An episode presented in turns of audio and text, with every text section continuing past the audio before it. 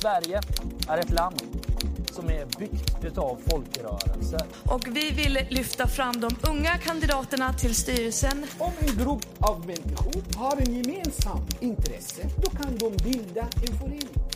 Det är en gryende folkrörelse. Goddagens och välkomna till detta 23 avsnitt av Civilsamhällespodden. Jag heter som vanligt Charles Metzma och till vardags hittar ni mig som förbundssekreterare i Sverok, men här representerar jag mig själv. Och idag sitter jag tillsammans med Andreas Halken Hallqvist. Goddagens. Hej! Du, eh, har, vi pratade inte innan om vad du vill ha för titel. Vad, har du någon som du vill... Någon titel som du vill bli presenterad med? Någon titel? Nej, alltså. Det intressanta här är väl att jag är revisor i Sverok. Mm. Och har varit på alla möjliga positioner i den organisationen. Och varit lite överallt annars också i ideell och idéburen värld. Vi kan ju ställa den frågan då som jag brukar göra med hur du blev en engagerad människa, Ja. så får du prata lite om det. Eh, ja, men det, jag började Vampyrlive i slutet på 90-talet. Och det var ju jävligt roligt. Men de var ju alltid över natten och det blev ju alltid så jobbigt att behöva åka till Falun. För då bodde jag i Borlänge. Och så tyckte de att ja, men vi borde ha ett själva. Och så pratades det en massa och så blev det inget av. Så då tyckte jag att då, om vi inte kan få det gjort i spelföreningen för att de, inte, de som satt i styrelsen där, de tyckte inte att det var så viktigt. Det fanns ju ändå ett i Falun. Så då startade vi en egen förening. Eh, och då började man ju behöva rodda i det. Och sen var det ganska roligt att rodda i. Och sen har det blivit sådär att jag tycker det är mindre jobbigt än andra att ta i de bitarna. Så då blir det att jag gör de bitarna. Så kan folk som är mer engagerade i att göra saker som är poängen att man ska göra. Liksom, om det är folk som vill arrangera spelgrejer i en spelförening. Eller bara, folk som vill mer verksamhet kan göra det. Eh, så, så får man bättre utväxling för deras engagemang. Men hur lång tid tog det innan du gick från verksamhet till eh, ramar och organisation? Det, är, alltså det är ju direkt och aldrig, man- kan man säga. Det blir alltid liksom att man är lite, lite i båda världarna. Men just, just att jag märkte att jag tycker att det här är lite intressant att sitta och, och göra redovisningar och skriva stadgar och skriva bidragsansökningar och sådana saker. Som de som brinner mer för grundidén kanske tycker det är skittråkigt. Och då, då blir det bättre att jag gör den biten. För jag gillar det som, jag gillar deras engagemang, jag gillar deras idé. Jag vill ha den gjord, men jag vill inte göra den själv. Så mycket engagerar mig inte. Men de vill ha den gjord, men de vill inte sitta och behöva göra det här tråkiga. Så då kan jag göra sånt. Sen har det blivit lite olika varianter av det också, vad, man, vad det är man gör. För att underlätta för andra. Mm. Och från det där första föreningen som du startade i Borlänge, var, var tog du vägen sen då? Uh, rent organisatoriskt så eftersom jag var engagerad i den så hamnade jag i distriktet. Och, och från det så hamnade jag ju i förbundsstyrelsen. Och därifrån så, så har man ju varit liksom med och varit ombud och sånt. Och sen var det någon som frågade när det skulle bytas revisorer om jag inte kunde tänka mig att vara ersättare. Och det tyckte jag att det lät som ett jävligt chill jobb. För att han jag ersatte skulle ju såklart inte hoppa av. Eh, men jag, räknade inte med att han skulle gå djupare in i organisationen och inte kunna vara revisor. Så helt plötsligt så satt jag där och var ordinarie. Och eh, det är ganska... Eh, det är ju verkligen urtypen för den här biten att jag... Jag kanske inte längre orkar att rodda ett konvent eller så, men, men jag kan verkligen göra den här biten som kanske mer hänger på att man ska ha erfarenhet och, och, och koll och liksom sitta på de bitarna och inte verksamhetsnära. Men om jag gör den biten så kan någon som fortfarande har ork nog att rodda ett konvent göra sitt konvent istället för att sitta och göra revisorsgrejer. Men när du säger att du hamnade, det känns som att du hamnade runt i de här olika posterna. Snubblade du bara, sen hade du en ny titel eller har du aktivt sökt dig liksom vidare också? Ja, men det är, ja, någon gång så har det varit att det var en vakans och typ, ja men varför inte? När man ändå var på mötet och liksom valberedningen har inte hittat folk. Um, och någon gång har det liksom varit att någon föreslår en och så inser man att ja, jo, jo, men det här, kan, det här vill jag nog faktiskt göra, men man har inte tänkt det själv. Um, men det är väl aldrig så att jag liksom har satt det för mig att göra någon slags ideell karriär, utan det är liksom att folk, folk har sagt du borde vara här. Och så kom jag på att ja, ja, men det tycker jag nog faktiskt. Det har du nog rätt i. Eller, ja, är det någon som kan ställa upp och göra det här? Och jag bara, ja, det kan jag faktiskt. Jag har inget bättre för mig. Så att lite grann så är det så att man har snavat in i grejer. Men, men det är ju också att äh, möjligheten har dykt upp. Och då har jag hoppat på dem. Du Men- nämnde andra organisationer också, vad har det varit då? Ehm, ja, jag har... ham- en av de här grejerna som jag bara, ja men jag kan väl ställa upp. Uh, var i en grej som hörde till, till Riksteatern. Där Jag satt i en, en styrelse för, för den i ja, en mandatperiod, två år. Eh, och sen har jag varit uh, vice ordförande på studentkåren här i en, en vända. Eh, som slutade med utbrändhet tyvärr. Men det kan vi kanske återkomma till i, sen.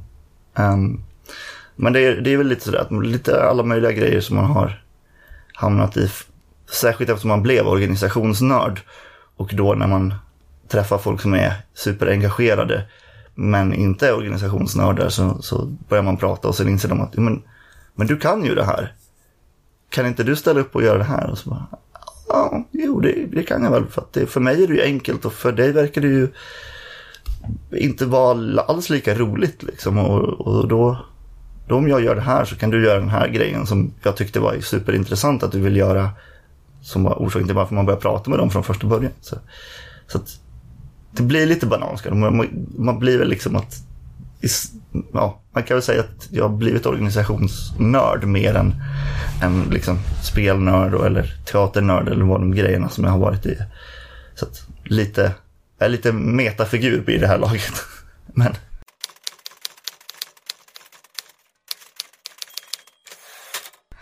Ja, men det för ju oss också över till, till det som vi tänkte att vi skulle prata om idag. Eh, typ förde oss över till det i alla fall. Ja. Inte riktigt naturlig Det- övergång, men det, det, det, det är en lite, lite udda övergång. Men det, det är ju ändå en sån sak som jag har sett jätteofta när man pratar med folk som är ganska nya eller inte superintresserade av bakgrundsgrejerna som hur man, ja, budget och redovisningar mest. Ehm, Och det- den aspekten av eh, då organisation som vi ska prata om är ju just eh, pengar och vad de betyder och vad de inte betyder. Syftesuppfyllande eller vad man vill kalla det. Vi har inte döpt avsnittet ännu, men pengar och syftesuppfyllande låter jättebra. Ja. Men för att just att ofta när man pratar med folk som inte, vad ska man säga, om man missförstår mig rätt, men om, som inte är organisatoriskt mogna till exempel. Alltså de har inte varit med jättelänge och har inte reflekterat över saker. Inte som i omogen, men som i, de har inte filosoferat över de här frågorna. Så blir det väldigt enkelt att de tittar på saker som till exempel en redovisning med väldigt fel ögon. Och ser till exempel att ja, men vi har gått Eh, mycket bättre än väntat jämfört med hur vi hade budgeterat. Ja men det är ju bra. Eh, och det, det är liksom, man ser att det blev mer pengar kvar på kontot i, i slutet av året. Eh, men det är ju för att de kommer in med saker som, alltså man lär sig, folk känner igen budgetar från i princip, de känner igen det från att de har gjort privatekonomibudget på hemkunskap. Eh, någon kanske har läst företagsekonomi på gymnasiet och gjort budgetar där. Och eh, folk har tittat på Lyxfällan. Ehm, och sen kanske man har läst typ så här privatekonomitips i tidningar. Liksom, men det är privatekonomi och företag som folk känner igen budgetar ifrån. Och i de budgetarna så är det ju alltid bra att ha pengar kvar i slutet. Att om det går bättre än man budgeterade och det resultatet är plus, då är det bra. Och för ett företag till exempel så är det ju så. För ett företag finns till för att tjäna pengar. Och själva syftet är att generera en Ja, vinst. de, de ska gå så bra som möjligt. Ju, ju mer de, vinst de går med, desto bättre går det för dem. För det är så de fungerar. Deras mål är deras medel. Pengar i, kvar är, är liksom syftet. Men om man tittar på privatekonomi så är det ju sällan som man vill ha pengar kvar i slutet på månaden för att man tycker om att ha jättemycket pengar på kontot. Utan det är ju oftast för att man till exempel vill åka på semester. Och därför så ska man leva billigare eh, och liksom spara in på vardagsgrejerna för att kunna unna sig något någon annan gång. Eh, men för att syftet med en privatekonomi är ju inte att tjäna pengar. Syftet med en privatekonomi är att göra det man vill med de pengar man har. Och på samma sätt är det då med idéburna organisationer. Att syftet är ju aldrig att tjäna pengar. Det finns alltid en syftesparagraf någonstans eller en grundtanke, en idé. Och även om man är ett eh, löst nätverk så har man, man har en tanke som är den idén som, vad är det vi vill åstadkomma?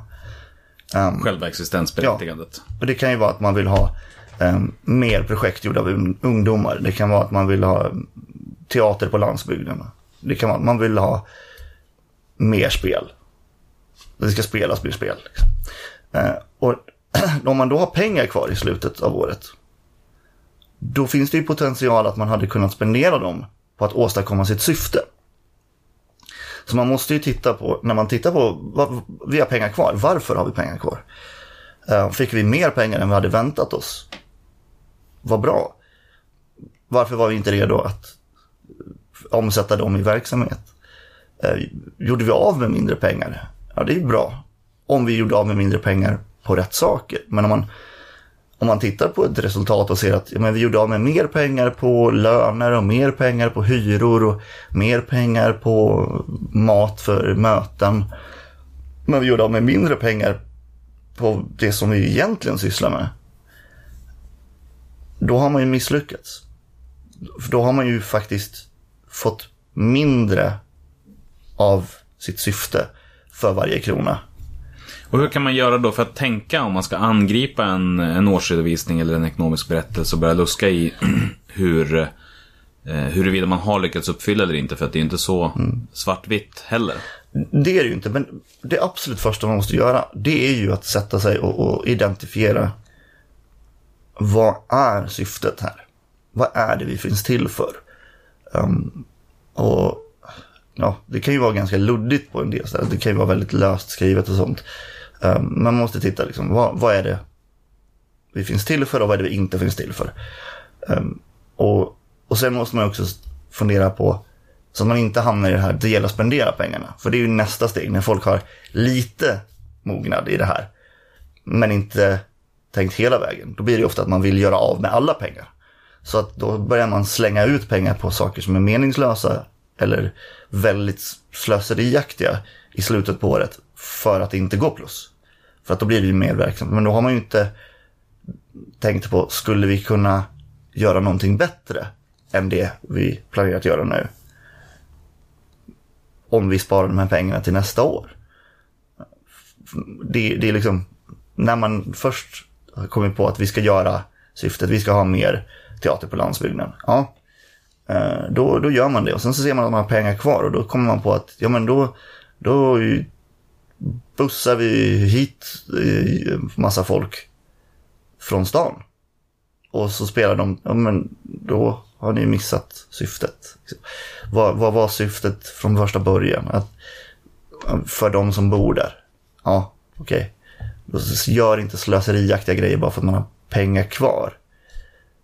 Men spara aldrig när man skulle kunna göra någonting som man tror är värt det.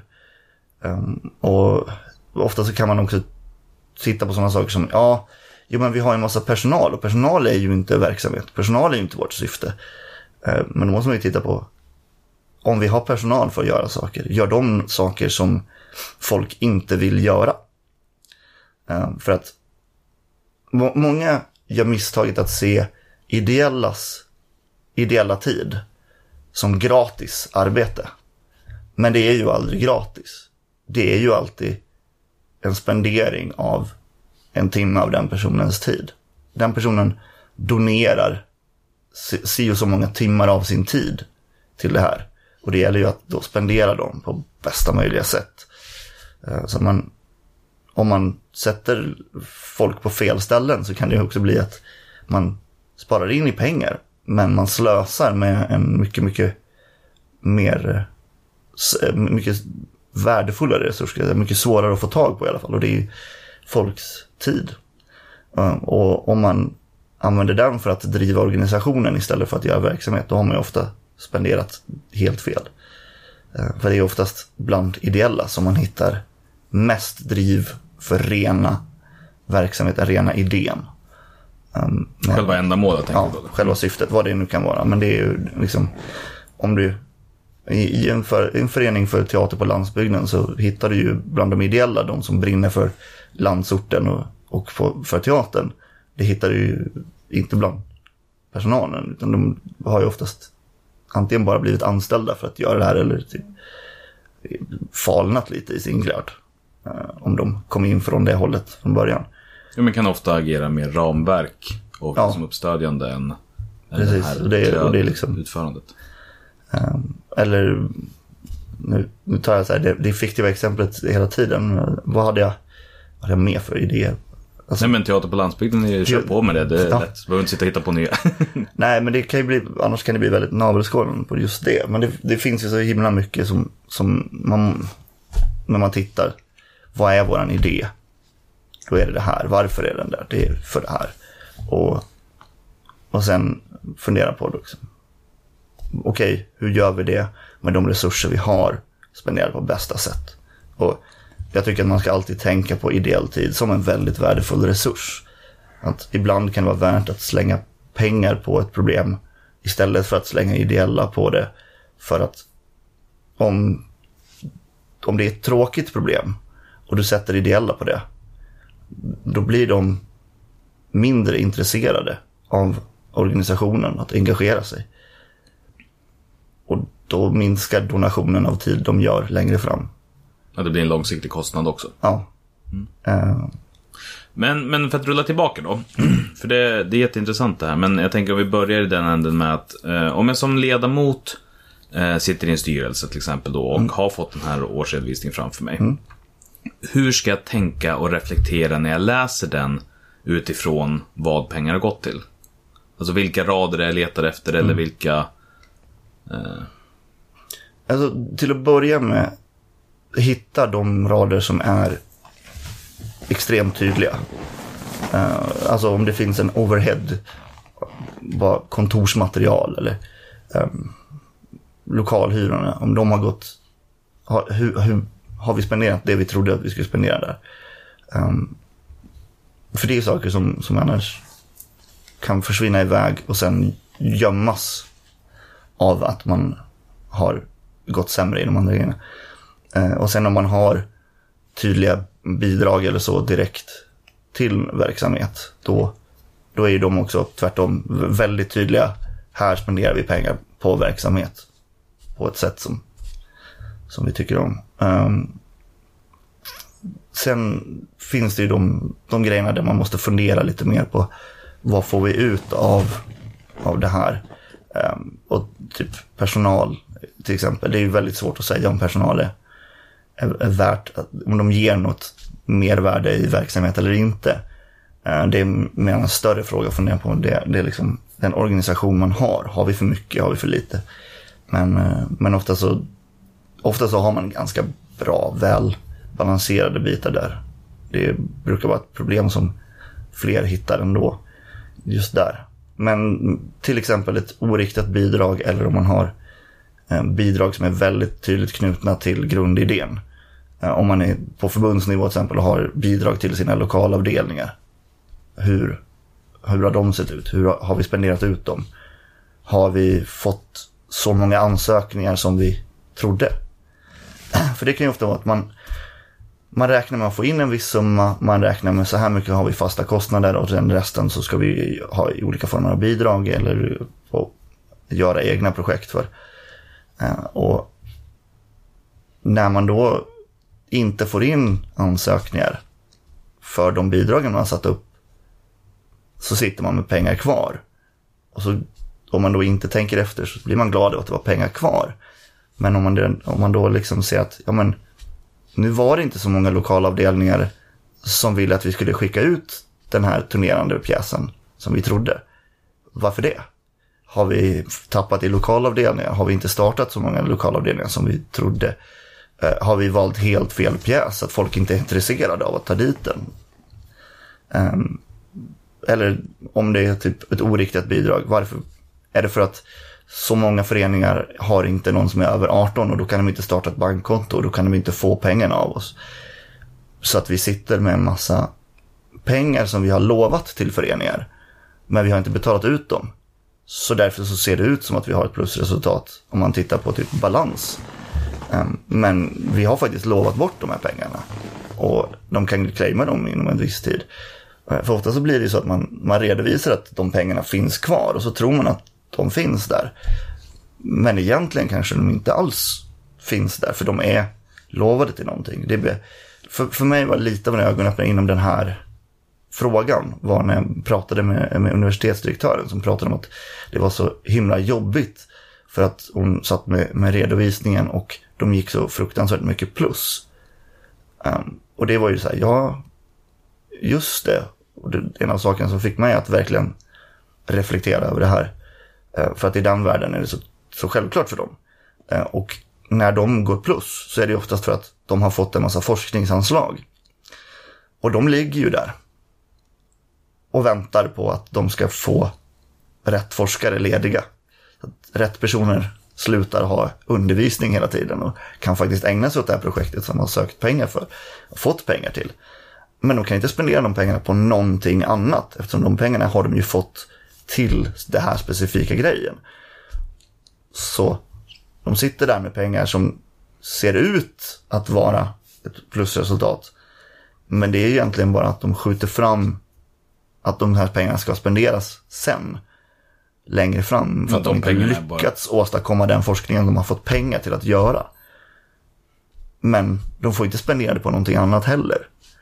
Ehm, och det är, det är en sak som man definitivt ska titta efter. Ehm, det är om man har redovisat projekt på ett sätt att man, om man till exempel har fått ett bidrag till ett projekt som genomförs nästa år.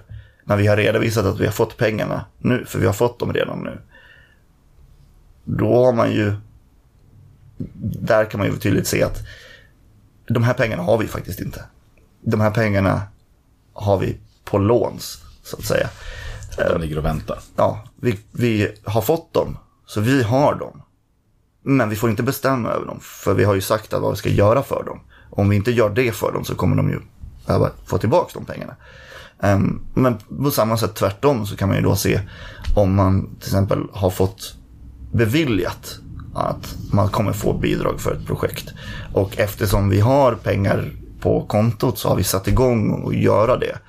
Och, och kanske rekryterat en projektledare och sånt. Men vi kommer inte få pengarna förrän projekttiden startar egentligen. Så därför så kan man ju då sitta och, och, se ett underskott som egentligen inte alls är ett underskott. För att de, vi vet var vi ska få de pengarna ifrån. Vi behöver bara göra projektet korrekt så kommer vi få dem. Men om, när, om någonting hamnar på fel sida om ett, eh, ett årsskifte eller om man får en halvårs, särskilt en halvårsredovisning kan vara väldigt lömsk på det sättet. För att ofta så har man ju saker som man har budgeterat för, för ett år. Och sen får man en redovisning där man har räknat på halva budgeten för det. Men det kommer inte hända förrän andra halvan av året till exempel. Och därför så ser det ut som att det har gått jättebra på den fronten. Men egentligen så har det inte hänt någonting alls för att eh, om vi har budgeterat 100 000 för att göra ett, ett eh, årsmöte på hösten och sen kommer det i juni och då ligger den på, det har spenderats noll kronor och vi förväntar oss att spendera 50 000 för vi har ju beräknat med 100 000 på året. Det är en sån post som man måste tänka att nej, här vet vi att alla 100 000 ligger här. Um, Speciellt i det så är det väldigt viktigt att jobba med prognoser också så att man får in den biten och inte missar. Mm. Och det, alltså det kan ju vara sådana saker som att man betalar uh, hyra årsvis.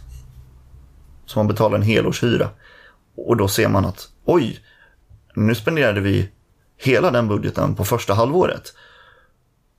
Men vi kommer inte spendera någonting andra halvåret. Eller tvärtom. Oj, vi har inte spenderat någonting alls på hyra. Oj, oj, vad bra. Ja, fast vi vet att den, den ska ligga där. Um, och det, det är sådana lömska grejer som man väl lätt kan falla för. Att det ser bättre ut i slut, liksom på sista raden. Kan det se bättre eller sämre ut? Och, och sen måste man titta efter sådana grejer. Projekt och, och saker som, som borde hamna i en, en viss period bara, men som inte har gjort det. För att, och då, då ser man.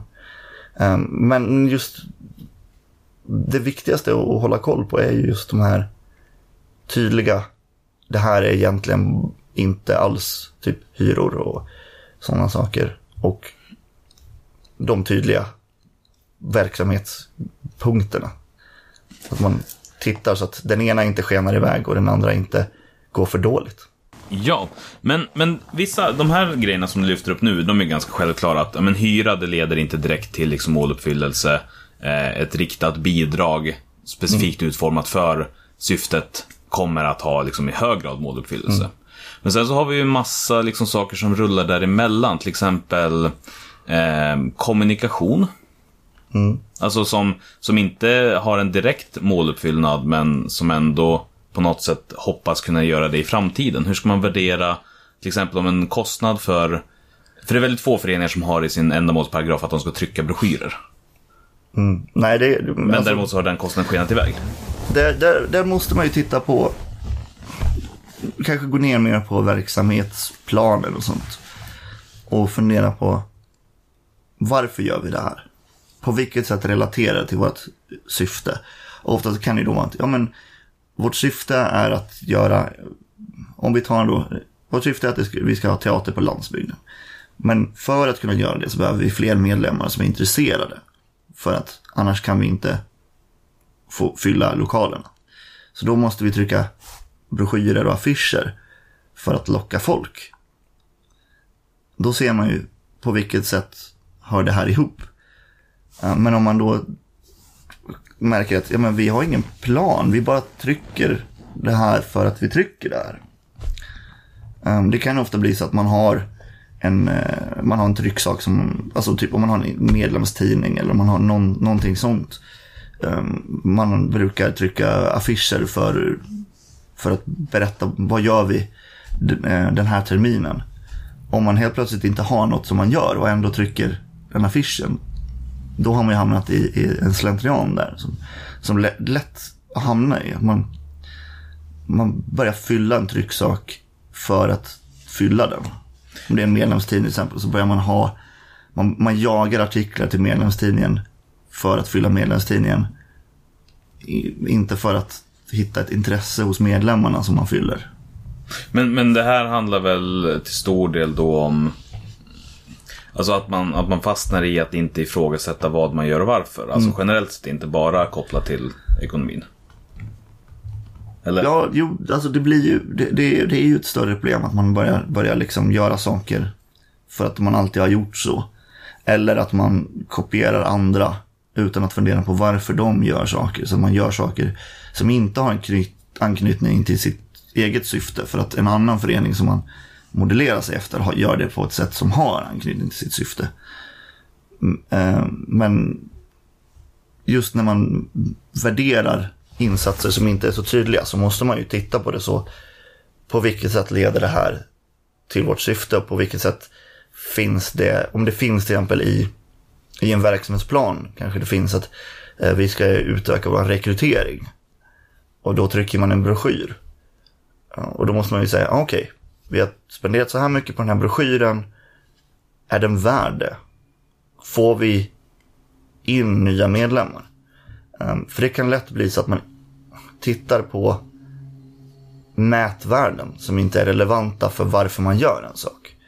Om man tittar på liksom, ja men vi tryckte upp en broschyr om, eh, om vi, varför vi finns och vi delade ut den på skolor så att vi fick ut 3000 broschyrer. Så, jaha, det är ju bra.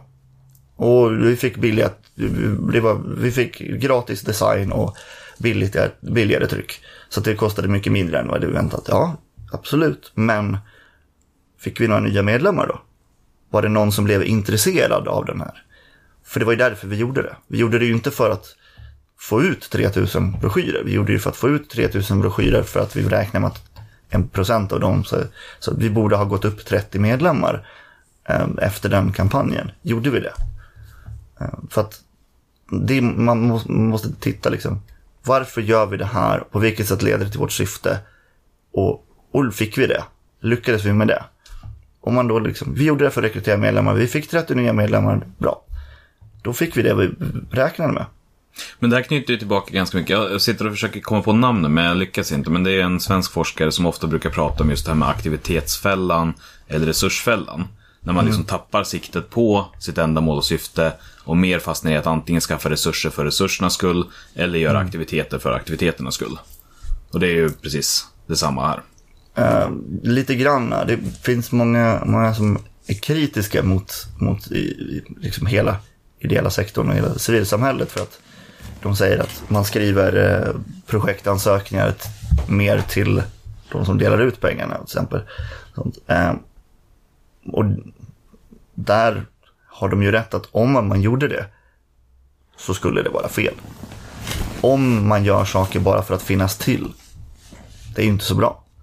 Om vi sitter och bara gör rekryteringskampanjer för att få nya medlemmar och få nya medlemmar och sen är nästa års aktivitet att göra en till rekryteringskampanj för att få nya medlemmar. Och då, vad, vad uppnår vi? Liksom? Vad, vad har vi?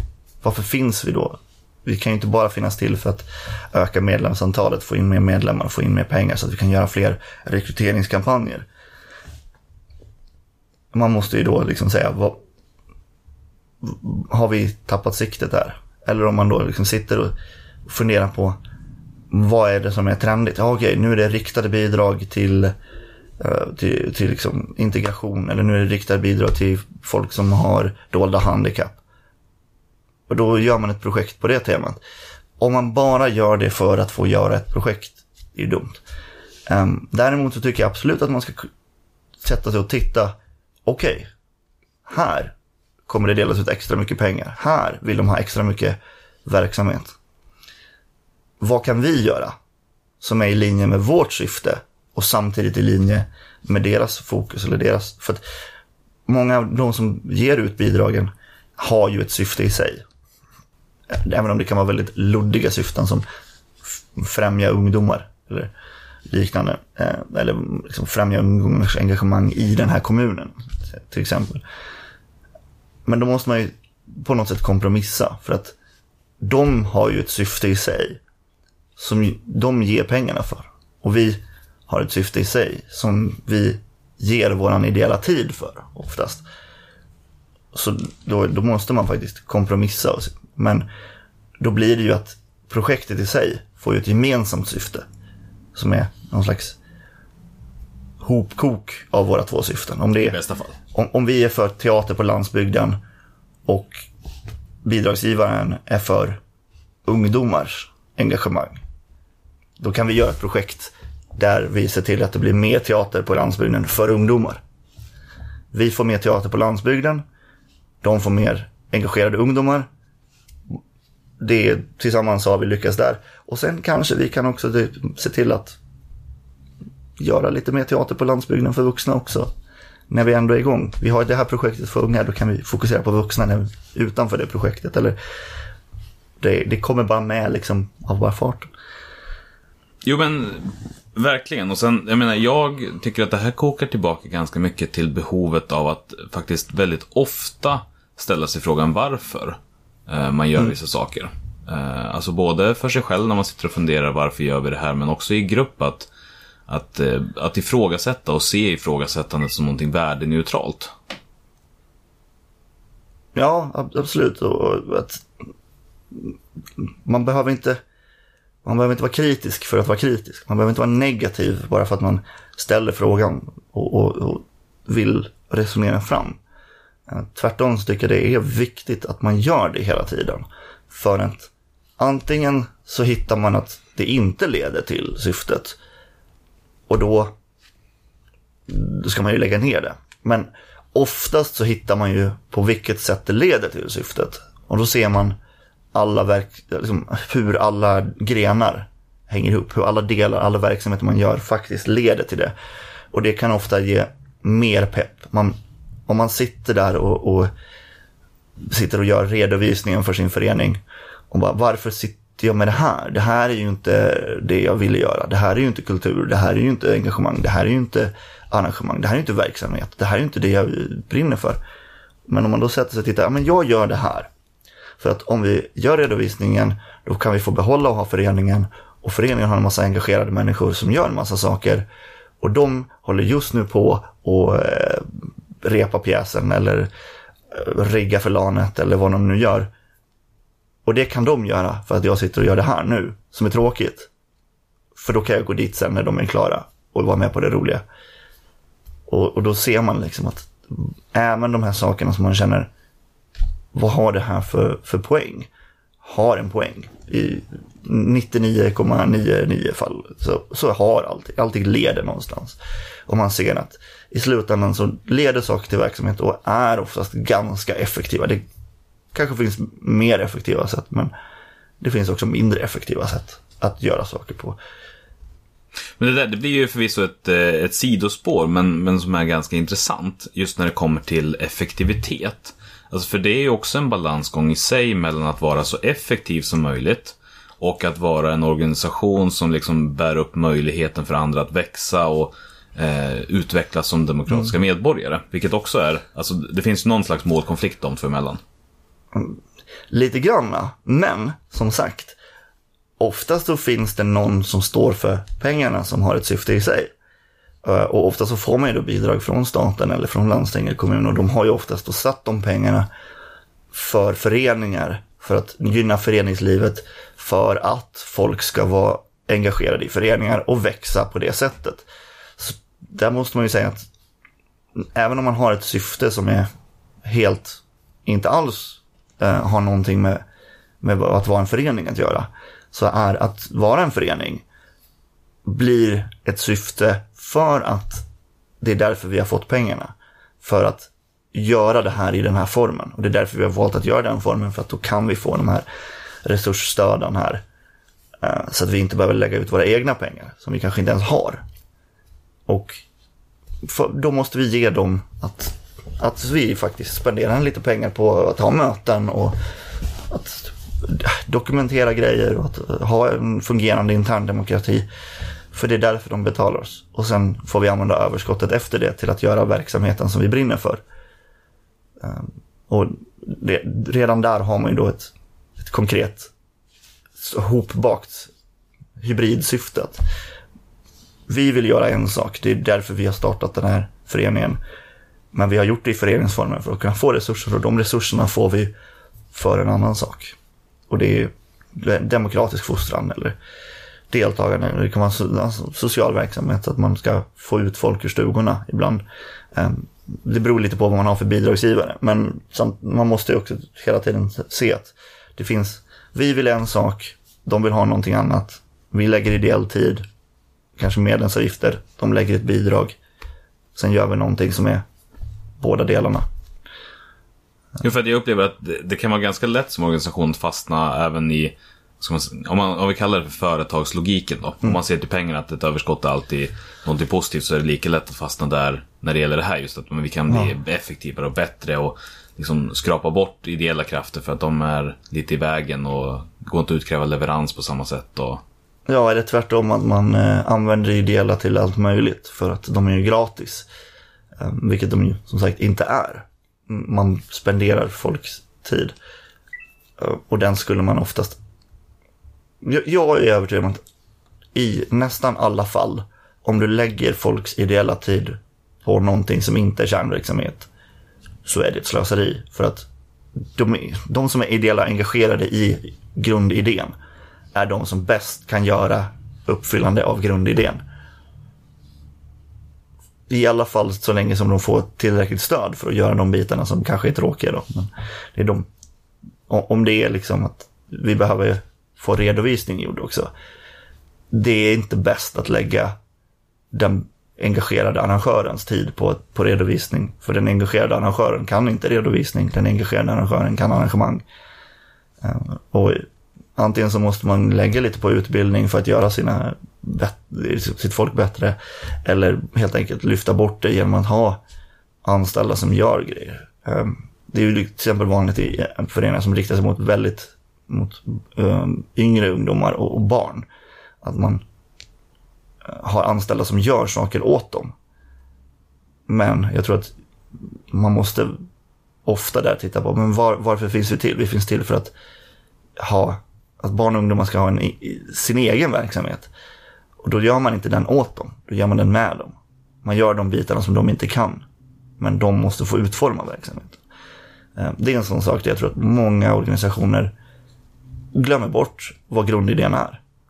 Och, och gör samma saker som de alltid har gjort utan att fråga de som de nominellt finns till för om det är det de vill ha gjort. Eh, och då, då har man glömt varför man finns till. Och gör samma sak och går runt i samma hjulspår och får inte effektiviteten som man får av att göra av att gå ut och fråga och liksom göra nytt hela tiden. Och åter, återuppfinna sig själv inom ramarna för sitt syfte. Ja, effektivitetsbegreppet sett ur hur effektivt man uppfyller målet fast i andra parametrar än bara liksom det direkta resultatet kopplat till hur snabbt det gjordes. Ja, typ. Man, man, alltså det, det är ju väldigt abstrakt. Det går inte att kvantifiera och säga liksom hur, hur mycket någonting är värt. Så att det går ju inte att, att sätta sig och räkna på de här modellerna. Utan det, allting får ju handla om känsla och magkänsla. Liksom. Det- Det känns som att det här är mer värt än det här. Vissa saker går självklart att mäta. Om man gör en rekryteringskampanj så kan man titta på hur mycket nya medlemmar man fick. Men det Men- i sig är inte heller ett så jättebra liksom, siffra för att vad är det som är intressant med många medlemmar? Det kanske är någon som Ja, kommer och man kanske gör en- eller någonting ja, annat. man- då, Om man gör en rekryteringskampanj och får in en massa folk som inte eh, alls brinner för syftet så var det kanske en misslyckad kampanj även om man fick in en massa nya namn på listan. Och, eller inte nya bli medlemmar nästa år igen. Precis. Eh, det fanns ingen långsiktighet i det. Eh, men det var det vi egentligen ville ha. Men vi gjorde en kampanj som gav ett väldigt bra kortsiktigt resultat. Men det var inte det som vi egentligen ville ha. Ehm, så man, det går ju att göra sådana missar väldigt mycket. Ehm, men Men, men skulle du säga i din erfarenhet att de flesta missarna uppstår när man tittar på och försöker utvärdera? Eller att de uppstår redan i en otydlighet i liksom att man, när man ställer upp vad man vill uppnå? Jag, jag tror att de flesta missarna består i att folk vill utvärdera och vill ha hårda värden. Man vill kunna titta på kronor och ören. Man vill kunna titta på eh, antal medlemmar. Man vill kunna titta på eh, kanske åldersfördelningar. Man vill titta på sådana grejer som går att, att mäta. Hur mycket av, den, av den här massan fick vi. Och då måste man ju hitta värden som går att mäta. Men det är ofta så tar man Ofta blir det att man hittar ett värde som ska indikera vad det luddiga värdet var, vad det var. Ehm, om man tittar på vad har vi för intresse för, för vår utställning. Vi tittar på hur många människor gick in och, och tittade på den. Då, om man sätter det mätvärdet och så ska man titta på hur det utvecklas över åren. Då blir det väldigt lätt att man börjar, istället för att hit, försöka hitta intressanta konstnärer att ställa ut, så börjar man göra mer reklamkampanjer för att folk ska komma, och komma in och titta. Går bara, och om de går in genom dörren och sen går ut igen, så är man nöjd. Eh, för att det är ju det vi mäter. Vi mäter ju inte om de stannar och blir fascinerade och faller eh, hopplöst förälskade i, eh, en tavla. Fast det är ju det vi egentligen finns till för. Vi, vi grundades ju för att vi vill sprida god konst och vi vill att folk ska vara engagerade och, och känna samma passion för tavlorna som, som vi gör. Men vi börjar mäta om hur, hur många folk som går in och ut genom dörren. Och fyra år senare så har vi inga bra tavlor. Men vi har väldigt, väldigt bra affischer. Då Så vi- mät, alltså beroende på hur man mäter så då får jobbar man vi mot mätning. Ja, du får det du mäter. Du får mer av det du mäter. Och ibland så, så, så blir det så att man börjar jobba mot sitt mätvärde istället för att jobba mot det mätvärdet representerar. Ehm, och ibland så blir det, alltså det, det börjar ju med att man sitter och tittar på hur många kronor har vi kvar i slutet på året.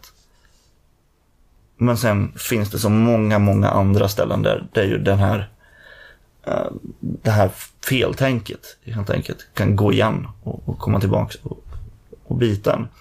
Men, men generellt sett så, om jag sammanfattar lite grann, så känns det som att det, det genomgripande är eh, problemet kommer om man tittar för ytligt. Om man inte går ner djupt, utan att man bara, ja, där var det här. Ja, om man, om man tittar på om man tittar på kronor och ören eller om man tittar på något annat hårt värde utan att fundera på vad de representerar. Om vi har pengar kvar för att vi inte har fått lyckats få ut pengarna till våra föreningar för att de har inte fått bankkonton. Då har vi misslyckats. Då, har, då sitter det pengar på vårt konto som egentligen skulle ha kunnat hamnat på någon, någon föreningskonto så de hade kunnat gjort sin spelhelg. Men det fick de inte för att de har inte fått ett bankkonto. Men om vi ser plusresultatet som positivt, då har vi inget syfte att, då- är det dåligt för oss att hjälpa dem att göra sin verksamhet. För då får vi ut pengarna. Just Och det är så sådana saker som är så farligt att hamna i. Att man, man sitter och tittar på fel sak. Och, och inser inte att man sk- skjuter sig själv i foten genom att göra någonting som har ett hårt värde men som är fel jämfört med det mjuka värdet man ofta representerar.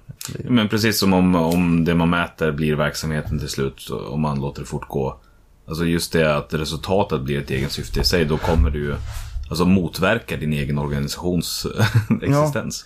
Det, och det är en av de vanligaste fällorna är väl att man börjar rekrytera medlemmar och ändrar sig för att passa massan. Så att man ska få fler medlemmar. Och till slut så är man någonting helt annat än vad man grundades för. Det, det brukar jag ofta prata om när jag är ute och föreläser just för att det är så många som oreflekterat säger att men vi måste föryngra oss eller vi måste bli fler. eh, Men som aldrig stannar upp och tänker varför. Och då landar man ju i ja, men, eh, att jobba mycket mer med att rekrytera än att göra organisationen så attraktiv att människor söker sig dit. Och attraktiv då i den bemärkelsen att man uppfyller sitt syfte. Ja, och ofta kan det kanske vara så att man fokuserar på att rekrytera, om man vill föryngra eh, sin organisation så fokuserar man på att rekrytera yngre. Eh, Men man funderar inte på om det är, är det egentligen så att det vi sysslar med behöver föryngras. Eh, Behöver vi kanske jobba med- att skapa ett intresse för vår verksamhet hos yngre för att kunna ha yngre att rekrytera? Eller ska vi bara liksom försöka att få folk att rekrytera sina småsyskon och, eller skriva upp sina barn som stödmedlemmar? Eh, mm, Och ja, det, till slut så sitter man där och, och har jätteattraktiva familjemedlemskap för att få fler barn och barnbarn i medlemslistan. Men man har inte egentligen föryngrat någonting. Man har bara fått snyggare statistik. För att man glömde bort att fundera på vad är vårt syfte? Vad, vad, är, vad, är, vad finns vi till för? Om man blir det man mäter. Om man, om man blir det man mäter. Det är liksom, det, det, så är det alltid. Om man, om man inte är försiktig så kommer man alltid att börja förbättra det som, som man tog som representant för helheten istället för helheten. Finns det någonting som jag inte frågar om kopplat till det här som du vill säga eller någon tanke du har haft? Nej, alltså det, det är ett väldigt stort område men det är, jag tycker att det är, är väldigt litet egentligen. Eh, För att allting handlar om att gå tillbaka till, till samma, samma tanke. Att fråga på vilket sätt gör det här det vi finns till för? Vad, har vi lyckats med det vi finns till för? Gör vi verkligen det vi finns till för? Att man faktiskt går tillbaka till sin syftesparagraf eller sin verksamhetsplan eller bara generellt grundtanken när man grundades eller vad man har blivit nu. Men nå- någonstans hittar, vad är det för världen vi faktiskt står för? Vad är det, vilken idé är den idé som bär oss? Om vi är en idéburen organisation, vilken är den idén? Och är vi fortfarande bra representanter för den idén? Och så länge som man faktiskt hela tiden frågar sig det så tror jag att då, då löser sig allting annat. Det är när man glömmer bort att ifrågasätta det. Då kan man hamna i konstiga... Då, då, då, då kan man gå vilse och hamna i de här att man gör projekt för att göra projektens skull. Man gör bara saker som är trendigt för projektmedel för att ha mer verksamhet utan att den är relaterad till ens egen idé. Eller att man bara rekryterar hela tiden för att få mer medlemmar men inte gör någon verksamhet för de medlemmarna. Att man ger ut trycksaker som inte längre har något syfte för att det är synd att lägga ner. Och så vidare. Men jag tänker också där, om man väl kommer till den punkten att man sätter sig ner och börjar reflektera och fundera kring det här så gäller det också att vara modig nog att vara ärlig. För det är så väldigt lätt också att fastna i att säga, jo men det där gjorde vi ju för att och det, det kan vi ju säga att det uppfyllde det här på det sättet. Ja, man, man ska inte lura sig själv. Liksom. Är, men oftast om man bara funderar lite, lite grann så, så hittar man på vilket sätt saker hör ihop. Och hittar man inte det då, då kanske man Ja, då får man diskutera lite med varandra och sen till slut så kanske man hittar att ja, men vi gör faktiskt det här för att vi alltid har gjort så och det kanske är dags att sluta med det här. Liksom det, vad det nu än kan vara som man hittar som, som inte leder till måluppfyllelse. Eh, så att man inte sitter där och tycker att det går jättebra. För att vi får in en massa, vi, vi omsätter mycket pengar och vi går mycket plus men vi gör faktiskt inte det som vi finns till för utan vi sitter bara med rekryteringskampanjer och ger ut en medlemstidning och sen var det, var det bra med det. Det finns ju många stora organisationer som, som man kan säga är, liksom serviceföreningar. Som i princip bara får in medlemmar på att de har medlemsförmåner. Och sen är de väldigt svaga i att uppfylla sitt egentliga syfte. Eller har frångått det egentliga syftet och fått sig ett nytt. Alltså transformerat sig. Kanske utan, Ja. ibland genom att skriva om det ibland Ja. inte skriva om det. Särskilt, särskilt för den stora massan av medlemmar som man får in på sådana saker. Om man har väldigt trevliga medlemsförmåner så kan det bli väldigt lätt att man får in en massa folk som inte alls bryr sig om grundidén. Utan bara är med för förmånerna. Och sen sitter man där och har jättemycket medlemmar. Men ingen av dem är engagerad. Och i de fallen så kan det ofta vara farligt att hitta, hitta nytt folk för att fylla ut organisationen. Det är då man sitter där med en förening som inte kan, som har hundratals medlemmar men inte kan hitta en fullständig styrelse. Jag brukar ju ofta säga det att jag alla dagar i veckan mycket hellre är ordförande för en förening med 10 engagerade medlemmar än en som har 10 000 där ingen bryr sig. Och jag tror också att den lilla föreningen kommer att åstadkomma mycket mer. Det tror jag definitivt. För att 10 000 människor som vill ha något är inte samma styrka som 10 människor som vill göra något. Eh, de 10 000 kommer inte donera en enda timme av sin tid. Men de 10 engagerade, de kommer donera en massa av sin tid. Och den föreningen, även om den föreningen som har 10 000 medlemmar har mycket, mycket mer pengar på kontot. Så har de noll timmar donerade till sig. Och som sagt, en donerad ideell timme är mycket mer värdefull än kronor och ören. För pengar, det finns det massor av, men tid, tid är någonting som vi allihopa har en väldigt begränsad del av. Och om vi donerar en bit av vår tid till någonting då är det värt mycket mer än om vi lägger en hundring eller två. Om vi lägger en timme på något istället. Tack så mycket. Det var eh, väldigt spännande samtal. Tycker jag. Ja, tack för att jag fick eh, prata om det. Ja. Jag tycker det är en intressant fråga och vill gärna sprida tankarna. Ja, nej men eh, och jag har ju haft väldigt, eh, ska, det ska ju sägas att eh, ända sedan jag kom in i förbundet så har jag haft väldigt eh, gott utbyte av just den här, de här tankarna och liknande tankar från dig. Både när Tack. du var engagerad på andra sätt men nu också som revisor.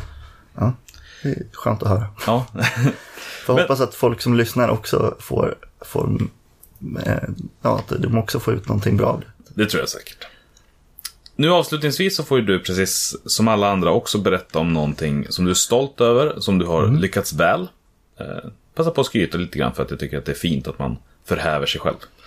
Och det andra är då någonstans där det gick, ja men inte alls lika bra utan ett misslyckande och där i fokuset vad du lärde dig på detsamma. Och du väljer själv vilken du börjar med. Jag kan börja negativt. Och det, det, jag skulle säga att det största misslyckandet det är att jag tog i och trodde jag var Stålmannen och blev utbränd. Och, och inte tog hand om mig själv där. Och det, där har jag lärt mig att, att säga nej och lyssna till varningssignaler och mycket mer. Och så där. Eh, men det, det tror jag är jättemånga som tyvärr be behöver råka illa ut innan de lär sig. Och man tror att man är annorlunda än alla andra. Att man är mer stresstålig än alla andra. Att man tål mer än alla andra. Och det är man inte. Det bara känns, alla, alla har känt samma sak. Men jag är annorlunda. Och sen sitter man där och kan inte komma ur sängen för att man tog på sig för mycket. Så att, Vad var det som hände då? det är, det är en lång historia och det finns det nog folk som har mer intressanta och mer tankeväckande grejer om, om vad som händer. Men Om vi tänker jag, jag hade för mycket, för mycket saker för mig och, och, tar för mycket på mitt bord. Och till slut så sitter jag och kan, kan inte fokusera, eh, kan inte sova ordentligt. Eh, och, och till slut så kunde jag inte gå upp ur sängen. Och långt tidigare så borde jag reagerat på att jag inte kunde koncentrera mig. Att jag liksom var stressad. Att jag hade alldeles för mycket på mitt bord. Och sagt ifrån och, liksom, och bara bett om hjälp. Uh, mycket, mycket tidigare. Innan det blev för dåligt. Uh, så det, det, det tycker jag det var en, en, ett misslyckande från mig att inte faktiskt be om hjälp i tid. Så att det blev så illa som det blev. Och jag har lärt mig att säga ifrån, be om hjälp. Och jag tycker att det är en sak som fler. Särskilt det här att du, om du tror att du är annorlunda för att, och att du tål mer stress än alla andra. Så kom ihåg att det har alla andra som också har blivit utbrända. Har trott att de var annorlunda, tål mer stress än alla andra. Och när du säger att du önskar att du hade lyssnat på dig själv, vad var det du... Alltså vid vilket läge var det du hade agerat annorlunda om du kommer dit idag? När du inte kunde fokusera och inte kunde sova eller var det någonting annat också? När, när, när, när högarna med saker att göra växer. När det kommer in mer, mer saker på att göra-listan än vad det kommer ut. Och, och när man... Det är svårt att beskriva liksom känslan men det blir liksom dimmigt i huvudet och det är svårt att fokusera. Mm, minnesförluster liksom. Att jag, jag kunde typ byta flik i en webbläsare. För att jag sitter och läser någonting och så kommer jag på att, ja just det, det här ska jag skriva ett mail till någon om, Byta till webbläsarfliken, jag har mail öppet. Och när jag har bytt flik så har jag glömt vad det var jag skulle göra. Sådana saker. Men det är också, det är de signalerna som kommer väldigt sent. Så att det är just se, när man ser att högen växer och att man tar på sig för mycket. Att, och också, man vill göra allt. När man är riktigt engagerad så vill man vara med överallt. Men det finns bara 24 timmar på dygnet.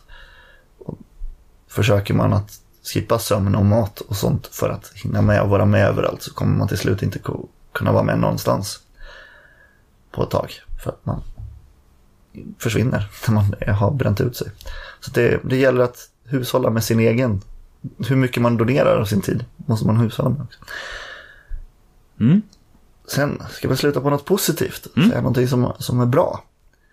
Uh, och det, det, det, det, finns mycket grejer som jag kan, kan liksom så här slå mig för bröstet med. Men en, en sak som jag tyckte var riktigt så här, som jag, jag blev stolt över. Och som känns som en, en, en riktig så bevis på att jag har blivit en metaperson.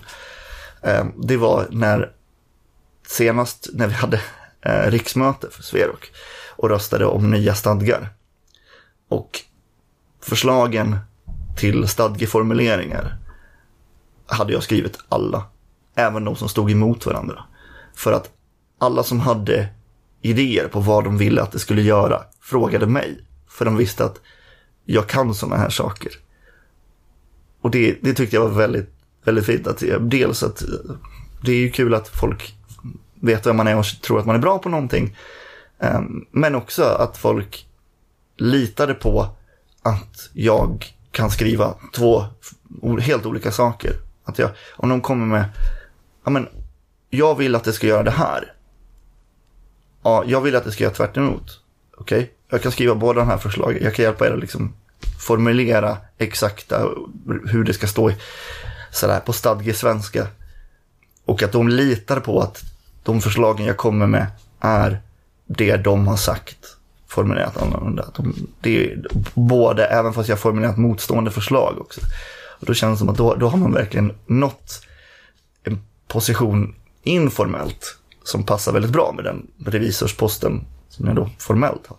Och det, det, det tycker jag det var lite härligt att, att veta att även, även socialt så har jag liksom den, det, det ryktet att vara bra på de här grejerna och folk litar på att även om det inte är mitt förslag, även om jag inte tycker att det här är det bästa förslaget, så kan jag hjälpa dem på bästa sätt. Då, då, ja, de, de litar på att jag både är kompetent och ärlig. Det, det tyckte jag var, det, det var väldigt skönt. Liksom. Det, det, det, kan låta skrytigt att säga att jag har skrivit alla förslagen, men det är just att folk, både, båda sidor i en fråga, vill ha min hjälp att formulera sig på bästa sätt. Jo, men jag var ju, och, på det. Liksom, jag var ju den ena sidan och jag, kan, jag känner igen mig i det du beskriver ja.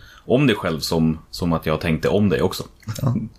ja det, det, blev så väldigt tydligt då och då kände jag att det, det, var, det var just att det var så tydligt signalerade att, att folk faktiskt ser mig så. Det tyckte det, det, om, om det finns många saker så, så har de ändå lett fram till, till det. Och att vara liksom elder statesman på det sättet. Och få, få liksom hjälpa folk att genomföra det de vill genomföra. Även om jag kanske blivit lite gammal och inte riktigt sådär har en häst i racet längre. Så kan jag, när olika människor har idéer på hur de vill ha det, ska jag hjälpa dem att få det så som de vill ha det, så att det blir rätt. Att de får det de vill ha. Och får göra det de vill. Och det, då, då spenderar jag min tid på rätt ställe. För att de kan sen då göra det de är bra på. Som är mer verksamhetsnära. För att jag sitter där och gör de tråkiga bitarna. Mm. Tack så jättemycket för att du delade med dig. Tack för att jag fick vara med och, få den här plattformen. Ja. Sverige är ett land som är byggt utav folkrörelser. Och vi vill lyfta fram de unga kandidaterna till styrelsen. Om en grupp av människor har en gemensam intresse, då kan de bilda en förening. Det är en gryende folkrörelse. Det var det avsnittet. Fan vad kul. Lite aktuella saker då. Ja, dels så har vi det här med den osynliga formalians hyllande. Eh, tre vinnare har ju redan släppts på Facebook-sidan, som också heter då förstås Civilsamhällespodden.